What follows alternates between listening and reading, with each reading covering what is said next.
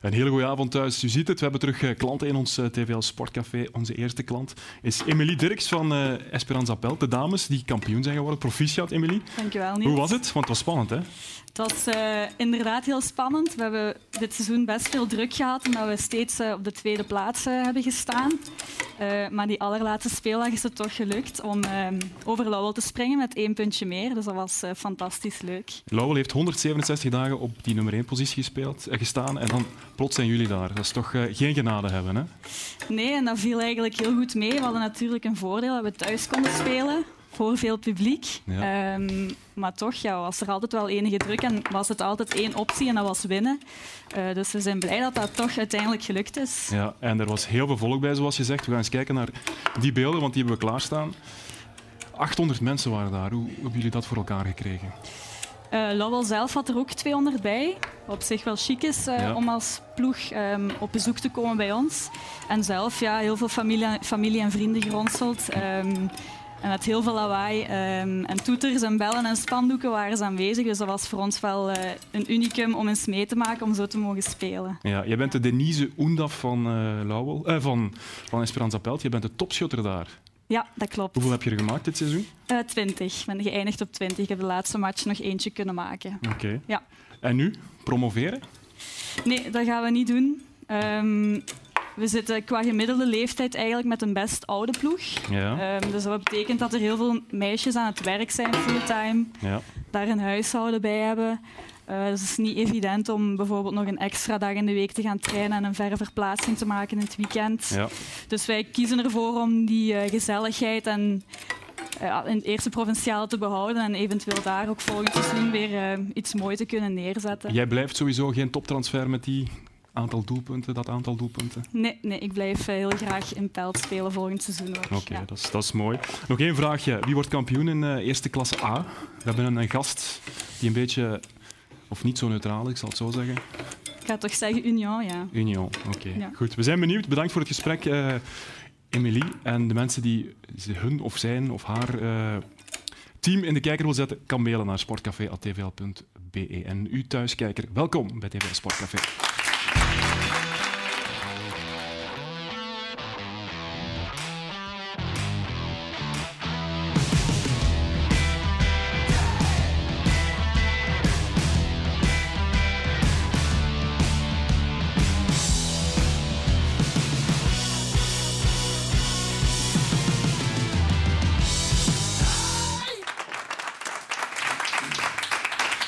Een heel goede avond. Welkom bij TVL Sportcafé. We zijn blij dat er weer wat volk in ons café zit. Ik zweet zowaar van tafelvoetbal, Armand. Straks gaan we terugblikken op de Ronde van Vlaanderen. Dat doen we met eh, Kevin Hulsmans. Maar eerst naar de kampioen van de reguliere competitie in het voetbal. En dat is eh, Union natuurlijk. De assistent van Felicia Mazzu zit hier. Dat is eh, Karel Gerards. En onze analist is Armand Schreurs.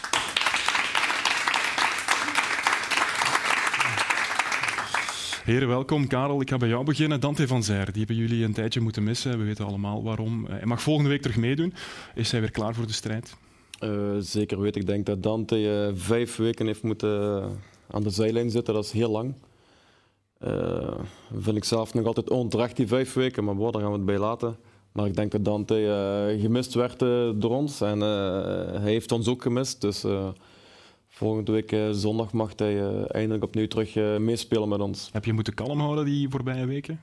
Nee, dat, dat ook niet. Hè. Dante heeft zich heel snel bij die, bij die straf neergelegd. Er is heel veel op hem afgekomen die, in die periode. Maar ik bedoel vooral dat de honger groot was om, om toch gewoon verder te doen. Ja, hij heeft natuurlijk met de Rode Duivels ook kunnen, kunnen aantreden. Dus daar in die groep weer aangenomen. En uh, terug bij ons gaat hij weer uh, zijn oude plaats op moeten eisen. Ja, Armand, één ding over Dante van Zijr. Ze hebben het er echt bij gelaten. Dat vond jij eigenlijk wel mooi, hè? dat Union niet in beroep ging? Ja, ik denk dat je soms ziet dat de club in Engelse handen is. Dit is zo'n beetje een fair play idee. Dit is een uitspraak. De straf is te zwaar, maar we leggen er ons bij neer. Okay. Ik vond dat wel iets hebben, ja. ja. Hij gaat wel fris zijn hè, voor die play-offs die eraan komen. Ja, absoluut. Het is gewoon een kwestie voor hem nu om toch uh, een klein beetje ritme te hebben. Toch vijf weken geen wedstrijden spelen en de play-off gaat op het hoogste niveau zijn, dan moet je wel, uh, moet je wel klaar zijn. Maar mentale frisheid uh, is zeker zo belangrijk. Oké, goed. Zo dadelijk praten we verder. Het is nu tijd voor de film van het weekend.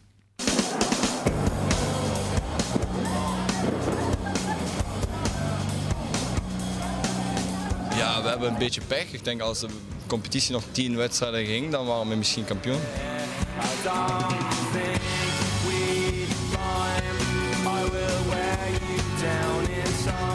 Have to play offense. We have to win this this game. Yeah, to go in the playoffs. We have we have to do it for the club.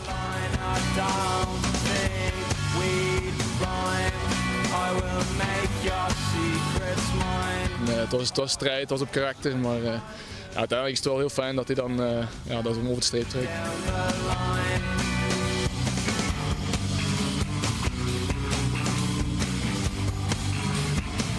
In volleyball, when the, the opponent play better than you, you lost.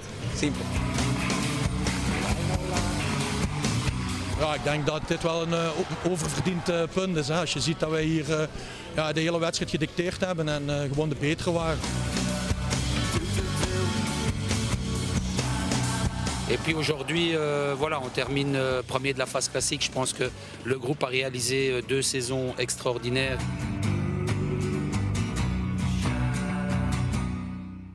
Ja, winst op Sclessin, Felice Mazzu, dansen, dat gaat goed, hè?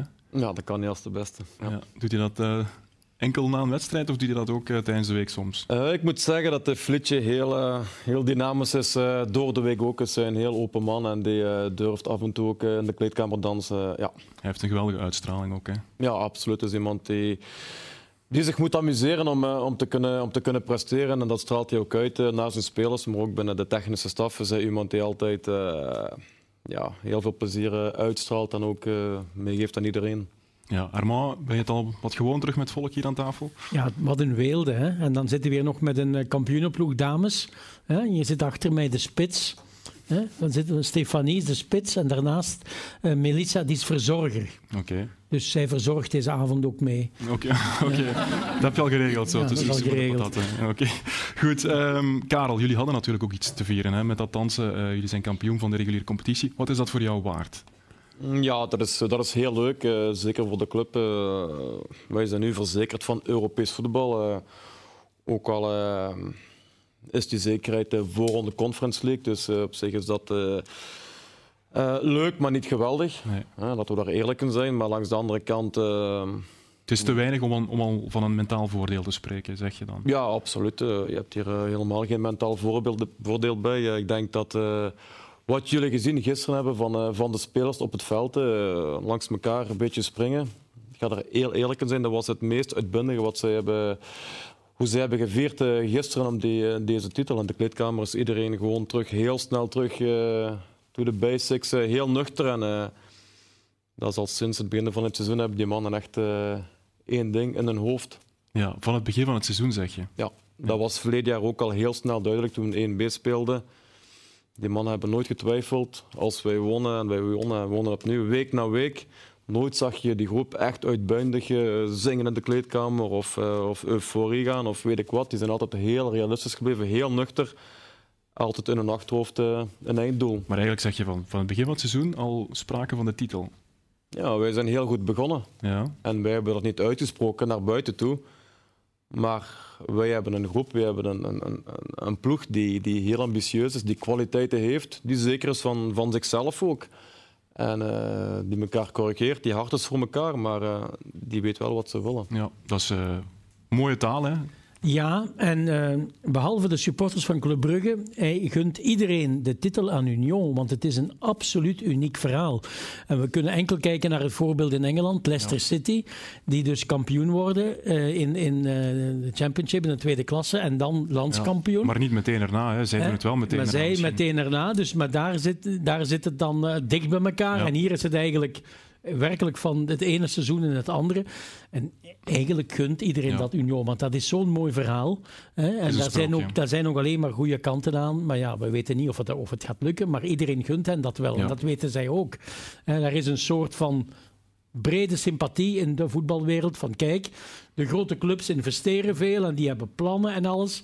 En Union doorkruist dat helemaal. Voel je dat als jij nu, als jij nu op standaard bent waar je nog gespeeld hebt, voel je dan ook dat, dat de mensen zeggen van ja, ja jullie mogen het worden straks? Ja, de mensen, de supporters, dat voel je echt wel dat zij uh, het ons gunnen. De laatste weken als ze op verplaatsing spelen, vaak de, de supporters van de tegenstanders na de wedstrijd, dan uh, wordt er heel vaak gezongen Union kampioen. Dat is, uh, dat is uniek.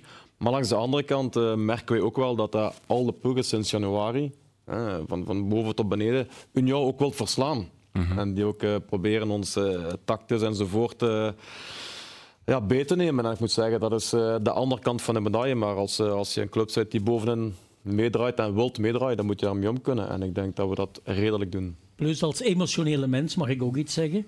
Uh, Union is het enige geclasseerde voetbalstadion. Dat stadion is als een monument geclasseerd, mm ligt ook in een park. Dat is in België werkelijk een unieke locatie. Dat maakt het ook nog eens, uh, geeft nog eens een extra laag aan het verhaal, vind ik. Ja, ja absoluut. Dat, dat stadion, dat is, uh, daar moet je geweest zijn. Ik spreek vaak met spelers na de wedstrijd die daar nooit waren geweest. Die zeggen van, amai, wauw, dit is echt voetbal. Na de wedstrijd is daar ook uh, niks van het moderne voetbal zeg maar, te zien. Daar ga je buiten, steek je de straat over en dan sta je bij de cafés. Al het volk staat er op straat, daar worden punten gedronken, daar wordt mhm. gelachen. Dat is, uh, dat is echt uh, op en top voetbalsfeer. Ja, Het is ook echt een hype in Brussel, want alle rangen, alle standen gaan eigenlijk naar Union kijken. Dat, dat jij, jij, woont in Brussel, gunt Anderlecht Union die titel ook?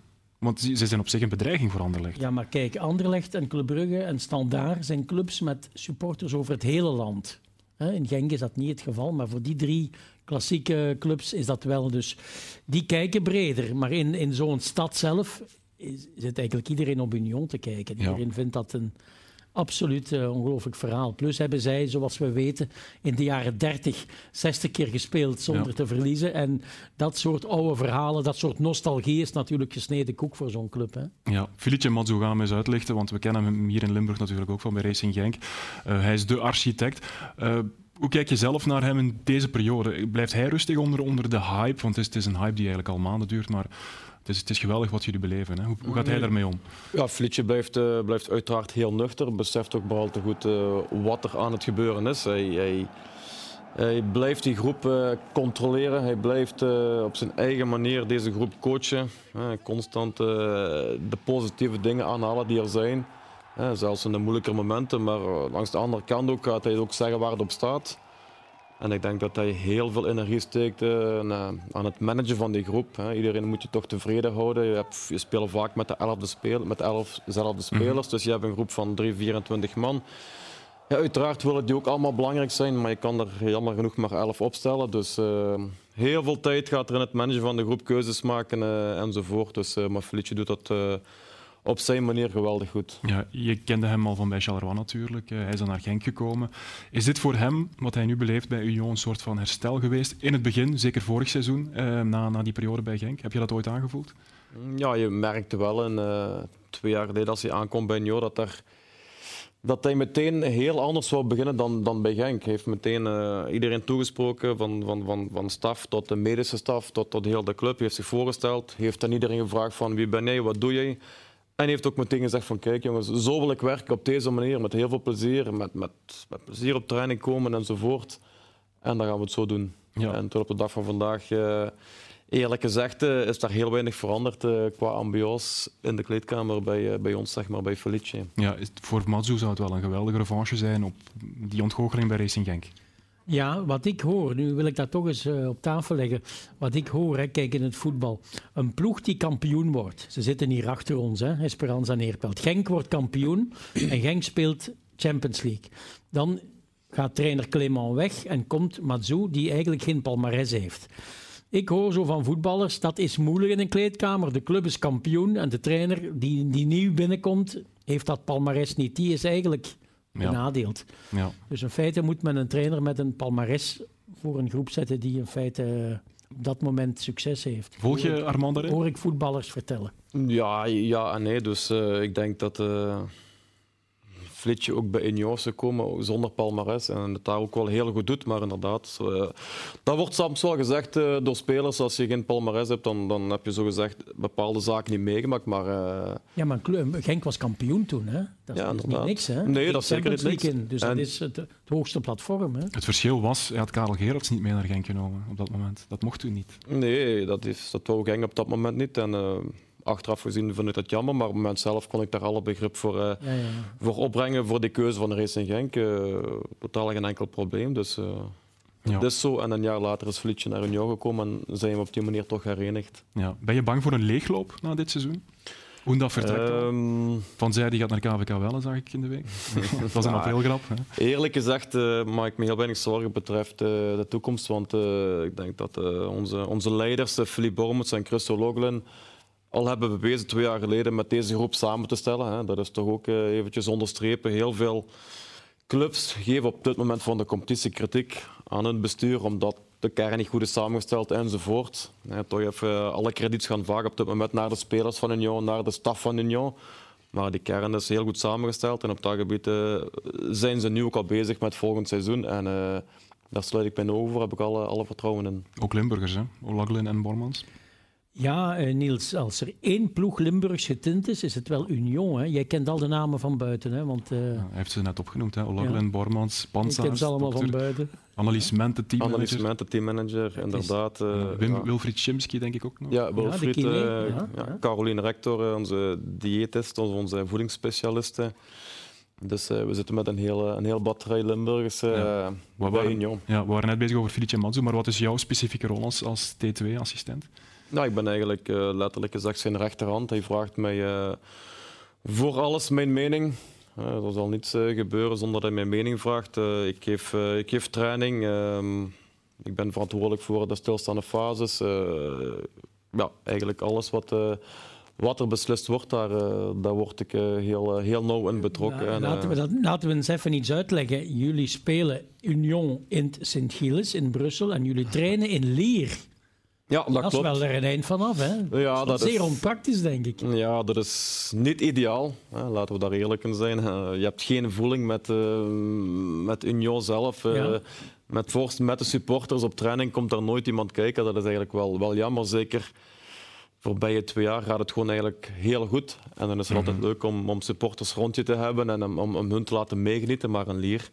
Ja, dat is drie jaar, een paar jaar geleden gebeurd. Hebben ze dat complex gehuurd voor een bepaalde periode, omdat er geen trainingscentrum uh, ter beschikking was in Brussel. Dus vandaar deze oplossing. Okay. We moeten het nog over STVV en Genk hebben, want die spelen of die strijden tegen elkaar voor play-off 2. Uh, eh, hoe kijk je daar naar? ik mag niet cynisch worden. Je mag cynisch worden, ja. Uh, Vertel ja, maar, waarom word je cynisch? Niels, het gaat over de achtste plaats. Ja. Hè? Dus in de wereld is eigenlijk niemand bezig met de achtste plaats. Hè? Als Sint-Truiden achtste wordt, is er natuurlijk feest op staaien, want dan kloppen ze Genk in de eindstand. En of Genk nu achtste of negende wordt, het blijft een affront. Ja. Hè? ja. Het is zelfs geen troostprijs, die play-off 2. Ja, maar uh, bovendien moet je dan nog dat Europees ticket pakken. En dan is het nog de Europese troostprijs, de, de Conference League. Ja. Dus voor Genk zit er geen goede kant aan. Hè? Of ze nu achtste of negende worden. En Sint-Truiden kan natuurlijk een, een slag slaan. Mm -hmm. Maar nogmaals, in heel België is niemand bezig wie achtste wordt. Hè? Wij uit Alleen wij. Ja. ja. Voor... Maar ik niet cynisch worden, nee. dat mag niet voor de dames hier. Hè. Nee, dat is waar. Voor, de, voor STV is misschien wel een moment om verder te bouwen op wat er nu staat? Ja, natuurlijk. Men heeft eigenlijk... Uh, het is eigenlijk niet te geloven. Hè. Men heeft een groot incident. Men verliest thuis tegen Charleroi. En vanaf toen is alles goed ja. gegaan. Hè. Ja. Daar staat een team, daar staat een plan, uh, daar is uh, mentaliteit. Dus eigenlijk is het een perfect plaatje. Ja. Na het moment dat wij dachten, alles is kapot. Ja. Zo mooi kan de wereld zijn in voetbal. En um, dus die Hollerbach heeft natuurlijk nu wel uh, serieuze uh, papieren uh, kunnen voorleggen. Van kijk, dat, dat wat ik krijg. Nu hoop ik, ik hoop voor, voor iedereen het Sint-Truiden dat men daarop verder bouwt. Maar vergeet niet, de club haalt Aziatische spelers, wil die beter maken en met winst verkopen. Dat plaatje verandert wel niet. Hè? Dus het zal toch ja. een beetje club blijven van import en export. Wie gaat play-off 2 halen? Genk of STVV? Of allebei, want dat kan ook nog als Charleroi verliest. Hè? Nou, ik zie Charleroi niet verliezen, dus ik denk eerlijk gezegd uh, toch Sint-Truiden. Ja. Sint-Truiden? Ja. Ah. Dat gaat halen? Ja. Dus jij denkt dat Genk uh, punten verspeelt tegen Serrain? Ja. Oké. Okay. En waarom denk je dat? Omdat Serrain op verplaatsing uh, niet, niet evident is. En ik heb Sint-Truiden zien spelen al een paar weken. Ik heb hen ook bij ons gezien op Union. Heel goed, heel stevig, een, een goed geheel. En met een trainer, die Hollerbach, die echt wel weet waar hij mee bezig is, heeft volgens mij het ongeluk gehad dat hij in een club terecht is gekomen, maar het heel veel stormde op alle gebieden, zeg maar, op alle geledingen binnen de club. Maar is wel iemand die weet uh, hoe dat hij een, een team uh, goed moet laten voetballen en resultaten behalen. Dus uh, ik, ik denk zijn truiden gewoon puur rationeel. Ik ben geen, geen fan van de Genk of sint maar ik denk gewoon puur rationeel STVV. En je hebt verloren van STVV, hè? Ja, klopt. Ja. Oké. Goed, duidelijke mening. Wij gaan verder met geschiedenis.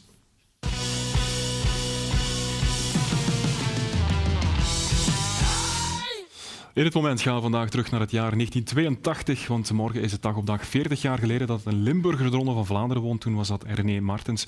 De Spalbekenaar was trouwens de eerste Limburger. Later zou Erik van der Aarde de Ronde van Vlaanderen nog winnen. Dus 40 jaar geleden, een jubileum, dus tijd om terug te blikken. Dat dacht ook collega Tom Kums. René Martens maakte in 1978 de overstap naar de profs. De Spalbekenaar, die in de jeugdreekse heel wat koersen won, komt in zijn eerste profjaar terecht in de ploeg van Eddy Merckx. Eddy Merckx heeft de eerste, eerste maanden nog mee, mee oefenkamp gedaan en nog een paar kenniskoersen. En mee gereden. En een wildzeel nog ergens bij, bij Verbeek voor de deur. Uh, dan heeft hij zijn laatste koers gereden, dus hij stopt ermee. En toen is hij mee, mee sportbestuurder geworden. En toen direct mee naar de ronde. Ik was de laatste dagen ook al op tweede op Champs-Élysées, dus dan word ik helemaal weg. Jerry Kneteman, Rennie Martin, Henk Lubeding en Feder den Hertog. That's the finish of the 23rd stage of the Tour de France in Paris. Het jaar nadien pakt Martens twee overwinningen in de Catalaanse wielerweek en in 1981 schiet hij raak in de negende rit van de Ronde van Frankrijk. Martens rijdt in die periode voor DAF Trucks, dat in 1982 een sterke ploeg op de been brengt. Kopmannen zijn Henny Kuiper en Roger de Vlaming, ook in de Ronde van Vlaanderen. Die mannen waren eh, wereldkampioen en van alles geweest. Ik moest bij Kuiper bijblijven voor, de finale te rijden. En toen uh, op een zeker moment die weg en die weg, groepjes weg, groepjes weg. En toen was de Kuiper op een zeker moment tegen mij, nu wordt er wel eens tijd dat je zelf meerijden. Spring eens mee. En hij is er toen meegesprongen en uh, hop, hop, hop. En van die groepje naar de andere. Wij komen onder aan de muur van Gerritsbergen, komen we bij de allereerste.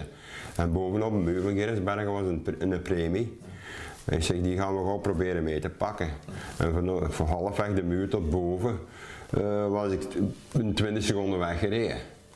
En bovenop de muur, ja, dan geen volgwagens door, daar stond de kar bij reservewielen. Voor eventueel als je plat reed, oh, en oprijden van de muur.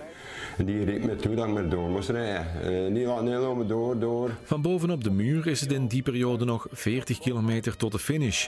Maar Martens is die dag berensterk. Zogenaamde favorieten zoals Eddie Plankaart, Pevenage of Moser bijten hun tanden stuk op de brok graniet uit Spalbeek. 100 meter nog. En deze koers zit erop. Die mag hij bijschrijven op zijn erelijst.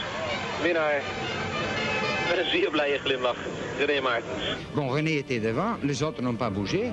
Et voilà le résultat. Et à un certain moment, quand il avait 40 secondes, je dis René, tu gagnes le Tour de Flandre, vas-y. René Martens wint in 1985 de marathonwedstrijd Bordeaux-Parijs. En in 1989 is hij heel dicht bij de overwinning op het BK. Laatste jaar, toen Waregem, toen valt ook mijn ketting af. Toen ik alleen wegreed, of weg was. En toen was het in de ploeg ook mijn plankaart. En plankaart als ploegmaat, die zat de ploeg, andere ploegmaat eerste jaar van mijn op te stoken voor achter me te rijden. Er waren ze achter mij te daarna gehoord. En dan eigenlijk had ik misschien nog wel gewonnen als mijn ketting niet afgevallen. Dat was eigenlijk wel, anders was heel mijn, mijn toch nog schoon afgesloten geweest, denk ik. Na zijn goede prestatie op dat BK mag Martens voor ADR ook mee naar de Ronde van Frankrijk. En zo maakt hij de legendarische Tour van 89 mee van op de eerste rij. Ja, mee naar de Tour en toen uh, de Tour zelfs nog gewonnen met, met Greg LeMond. Uh, we zijn ook maar bij drie ploegmaten nog aangekomen. Dat is eigenlijk nog dat is gewoon een afsluiter geweest. Ook, het was ook de eerste jaar eigenlijk dat er niet fatsoenlijk te verdienen viel in de Tour. En we zijn maar bij drieën geëindigd. Dus na veel zagen hebben we er toch ooit nog centen van gekregen. René Martens zal in totaal negen keer de Tour rijden. Maar zal voor altijd in de geschiedenisboeken blijven staan als de eerste Limburgse winnaar van de Ronde van Vlaanderen.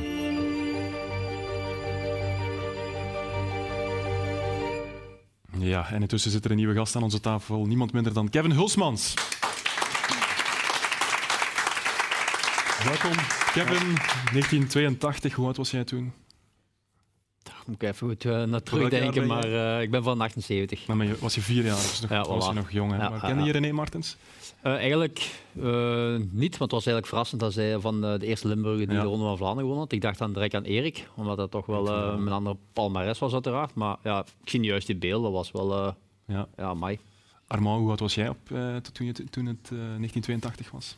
Toen, uh, op dat moment was ik 29. Wat moeten we weten over René Martens? die is van Spalbeek. Ja. En die kon ontzettend hard fietsen. Zo'n soort tijdrit. Uh, tempo. Die kon wel niet demareren. Maar hij kon ontzettend hard fietsen. En als die uh, ergens uh, voor lag, die was niet meer bij te halen. Ja, dat is Volgens mij heeft hij na zijn carrière bij Kumpen gewerkt. Ah, ja. Maar als het niet waar is, moet hij nu bellen. okay. um, dat is goed en ik vond het mooi om Fred de Bruyne te zien. Dat was de voorganger van José de Kouwer op televisie. Hè? José de Kouwer, die 72 jaar is, Niels. En een, nu een nieuw contract heeft getekend voor drie jaar bij de VRT. Oké, en wil je nu zeggen dat jij ook een nieuw contract bij ons wilt ja, tekenen? Ja, ik wil een beetje, maar ik ben nog niet 72. Dat is goed. Kevin, heb je genoten van de Ronde van Vlaanderen gisteren? Ja. Topeditie, hè? Uh, ja, zeker. Um, beetje de favorieten. Uh, buiten Wout van Aert die dan weggevallen is, um, waren wel de favorieten die aanwezig waren in de finale. Uh, ja, iedereen denk wel genoten heeft van. Mooie winnaar ook, uiteraard met Mathieu van der Poel. Ja. Maar Tadej Pogacar was misschien nog het meest indrukwekkend. Ja, hoe dat hij de Quaremont naar boven reed. Uh, tweede keer reed hij de kopgroep voorbij. Iedereen rijdt op het midden van de Quaremont, omdat daar de kasseien het beste liggen. Hij rijdt er gewoon langsaf, links van de kasseien, wat dat ze heel slecht liggen uiteraard. Handen boven op de remmen. Of dat hij een trainingssessie aan het afleggen was. En ja, reed iedereen uit wiel. Dus dat was gewoon, ja, dat is indrukwekkend. Ja. Karel, jij speelde gisteren met Union op standaard. Was je blij dat je in Wallonië moest voetballen? Want in Vlaanderen stond alles in het teken van de ronde. Hè? Nee, ik was niet blij, want ik ben wel een, een wielerliefhebber. Dus ik heb jammer genoeg alleen de finale op een klein schermpje gezien, die, eh, die eindsprint. Wat ik ongelooflijk zot ben, is dat die twee mannen zo gokken dat ze die mannen achter nog laten terugkomen. Ik vraag me soms af, is dat berekend of is dat echt... Uh... Voor hetzelfde geld loopt het mis, hè, denk ik. Ja, dus... Uh... Maar iedereen was een beetje ontgoocheld. Wout van Aert kon niet starten en dan krijgen we zo'n koers mm -hmm. om duimen en vingers van af te likken. Ja, het was, eigenlijk was het... Uh best spannend tot na de Kwaremond. En toen had iedereen van oké, die twee zijn weg. En dan uh, rijden we naar de sprint met twee. En dan gaan we kijken wie dat de snelste is. Iedereen hoopt dan een beetje, uiteraard uh, de fans van Van der Poel, dat Van der Poel wint. Want iedereen hoopt dan een beetje dat toch een toerwinnaar Van der Poel kan kloppen. Ja, en dan speelt Van der Poel het echt wel heel link. Uh, die eigenlijk nog, denk ik, nooit in zijn situatie terechtgekomen is. Ja, en Van der Poel gewoon even wachten, wachten, wachten. En weten dat hem dan de snelste is. Ja, dat was wel, ik denk voor veel ook wel een ontgoocheling. Want iedereen had gehoopt eigenlijk wel die een toerwinnaar op dat podium te hadden. En voor mij was het ook wel zoiets van, oei, dat is wel heel dom wat je hier mhm. doet. Uh, ja. Mooie finale, een rare finale. Ja. Dat Pogacar daar in die finale zit, hè, als toerwinnaar. Je zegt het is eigenlijk een, een klimmer, maar dat hij dat kan, dat, dat is toch ongezien? Ik denk dat we de laatste paar jaren eigenlijk al bij die jonge mannen zien eigenlijk dat die de wielerwereld op zijn kop zetten. Uh, bij ons was dat vroeger december voorbereiding op de klassiekers.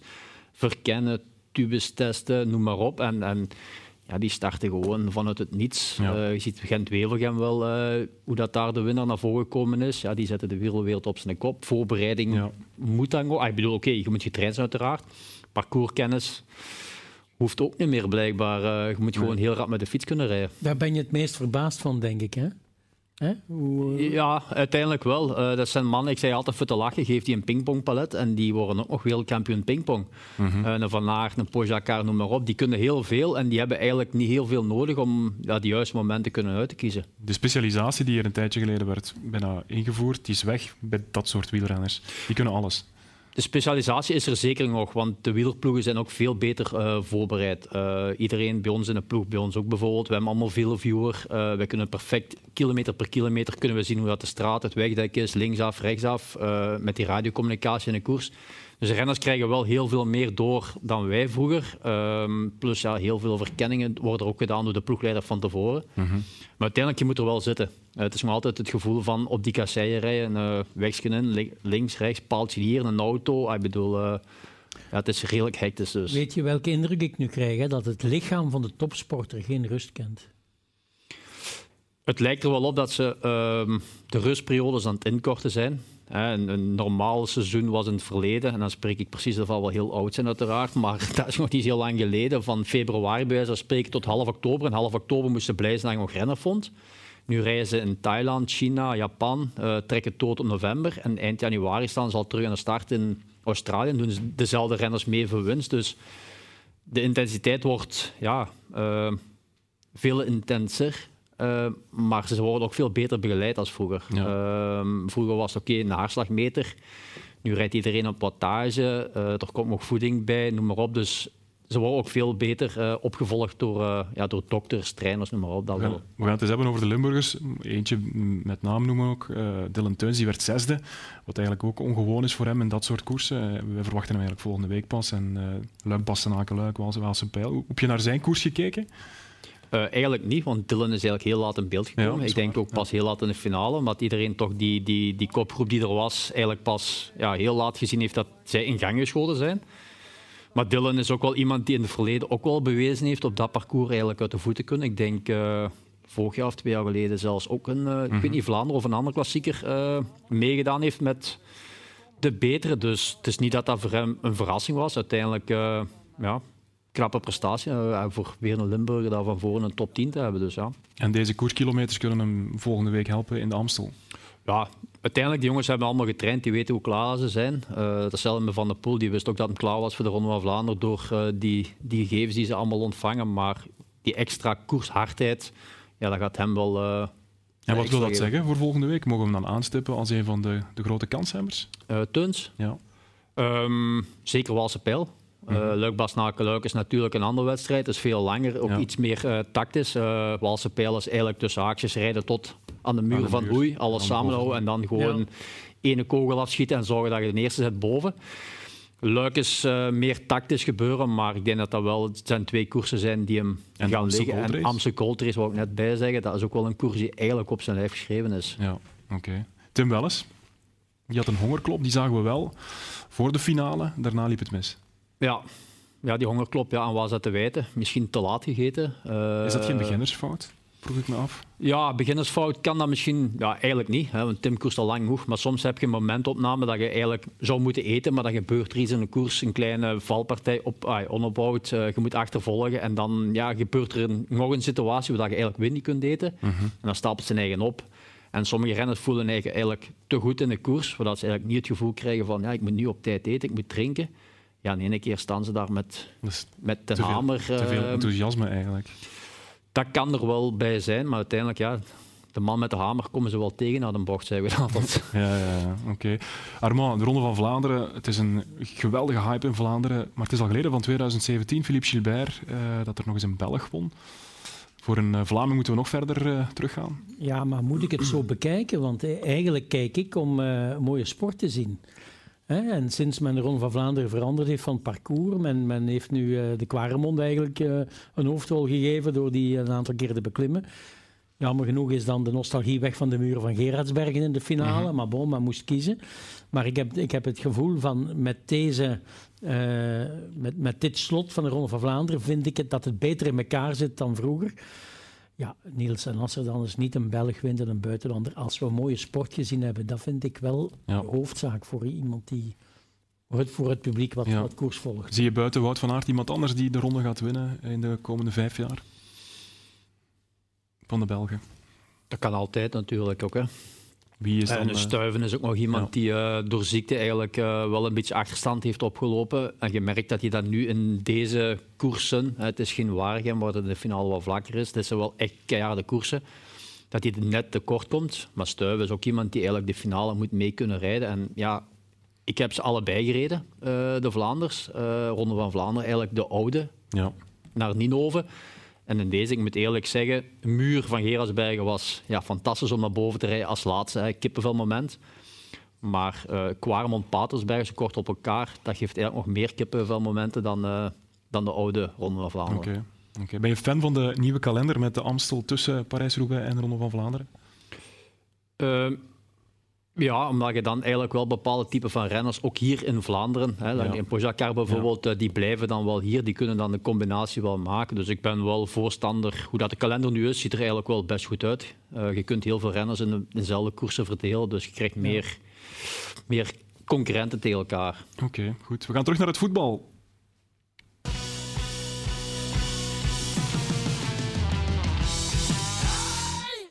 De lat ligt weer een paar centimeter, of in dit geval seconden hoger. We zijn eh, bezig over de Atrium Dribbelkoning Junior, want sinds vorige week hebben we een nieuwe leider. Daan van Driessen van de Canaries, een STVV-jeugdspeler. Maar zijn uitdager is een torpedo uit Hasselt, Louis Svennen.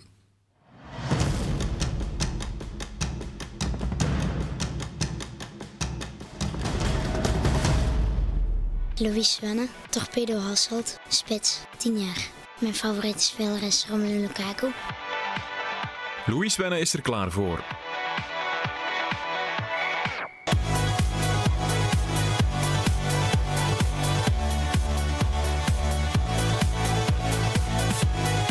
Na een foutloze start gaan we richting de kegels.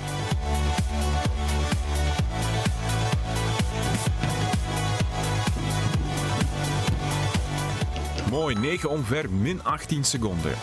Nu de regenton. En dat gaat vlotjes. We zijn bij de slalom. En dan de darts. Triple 10. Triple 7. En 10 is 61 gedeeld door 5 is min 12 seconden. Drie keer schieten zonder de grond te raken. Min 10 seconden. Zes keer jongleren. Maar de eerste poging mislukt. Tweede gaat wel. Nog drie keer schieten.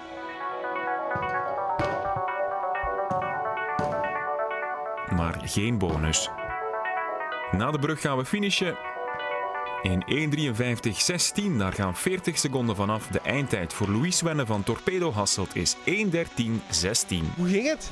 Goed. Uh, alleen zo uh, bij het jongleren heb ik een keer uh, ging het niet zo goed, maar voor de rest ging het wel goed, ja. Je had bijna een strijk met de kegels. Ja. Heb je daar speciaal op geoefend? Uh, nee, maar ik heb gisteravond heb ik nog wel eens met papa geoefend. Was jij een beetje zenuwachtig of totaal niet? Uh, ja, toch wel een beetje zenuwachtig. Denk jij dat jij de nieuwe dribbelkoning bent? Dat weet ik nog niet zeker. Doe eens een gokje op jouw tijd. Mm, 20. Ja, Louis Svenne. Van stress was er weinig te zien. We gaan eens kijken waar hij uitkomt in onze tussenstand. Hier komt hij. Voilà, op de knappe zevende plaats. We, zitten al met, uh, we hebben al 28 deelnemers gehad, dus dat is toch uh, goed gedaan. Maar Daan van Driessen van STV. Absoluut. Terecht applaus voor Louis Svenne. en voor Armand is het ook fijn om te zien dat die jonge top 10 binnenkomt. Hè? Torpedo Hasselt. Ah ja, dat is mijn club, hè. Zevende plaats, we zijn vier. Voilà. Op Louis. dat is goed. En dan wil ik altijd weten, als je dit organiseert bij Union, wie wint dan zo'n uh, dribbelparcours? Uh, ik denk uh, Oendaf. Oendaf, ja. ja Oké. Okay. Goed. Um, Kevin, je bent een bezig bij in het wielrennen ook. Uh, je bent ook bezig met je zonen natuurlijk. hoe staat het daarmee? Wanneer mogen we die verwachten in het peloton? Oh, dat is een moeilijke vraag. Uh, ik heb er een van 18 jaar, dus is net belofte geworden. Dus eigenlijk nu is het beetje het moment om toch die stappen te zetten naar een hoop van een droom van een prof uh, ja. bestaan, uiteraard. Uh, dat is enkel bij de belofte dat je dat kunt verwezenlijken. En die andere is 14 jaar, dat is aspirantje nog. Dus ja, die denkt dat hem elke week naar het wereldkampioenschap trekt. Vol, vol moed natuurlijk. Maar ja, de oudste die moet wel... ah, je moet, heeft wel wat talent. ik, ah, ik zei daar nooit niet echt graag over mijn kinderen, maar hij is wel... ja. Hij is wel rap en meter. Hij kan goed sprinten en hij kan wel kasseien. Je bent ook dus. zijn ploegleider, hè? Ja, ik ben ook vanaf dit jaar zijn ploegleider. Uh, ben je een strenge ploegleider voor je zoon? Soms iets te streng, omdat hij eigen zoon is. Je gaat altijd ietsjes uh, ja, korter erop zitten, omdat je dan ook wil laten zien aan de andere renners in de ploeg van ja, hij krijgt geen voorkeursbehandeling. Maar je weet dat wel ondertussen, dus uh, we spreken dat thuis wel, wel deftig uit. Mag ik ook iets anders vragen? Je bent ook in Lommel vrijwillige brandweerman. Ja, van 2014 al. En? Uh, dat is heel plezant. Al klinkt dat, niet, uh, klinkt dat heel raar natuurlijk als je naar een brand rijdt of een ongeluk natuurlijk. Want ja, je bent brandweerman voor iets. Uh, maar het is gewoon leuk omdat je ook met andere mensen om kunt gaan dan. Uh, wij zijn echt een hele een hechte groep in Lommel zeker. Heel sportieve brandweermannen. En ja, ik trek mijn eigen dan op. Ik ben dan ook chauffeur en zo. maar ja, het is toch ook gevaarlijk, hè? Uiteraard. En daarmee dat wij ook wel heel getraind moeten zijn om daar eigenlijk ja, een brand moeten binnengaan. Het is niet altijd, uh, ja, onlangs ook nog wel eens gezien dat het uh, ja, valikant kan aflopen. Ja, in een ploeg moet je soms ook een brandje blussen. Uh, de ploeg waar je voor werkt, dat is een, inter, dat is een continentale belofteploeg? Ja, dat is een continentale belofteploeg. Dus we zijn echt gericht naar het opleiden van jonge renners tot en met 23 jaar. En die een kans geven om een droom waar te maken.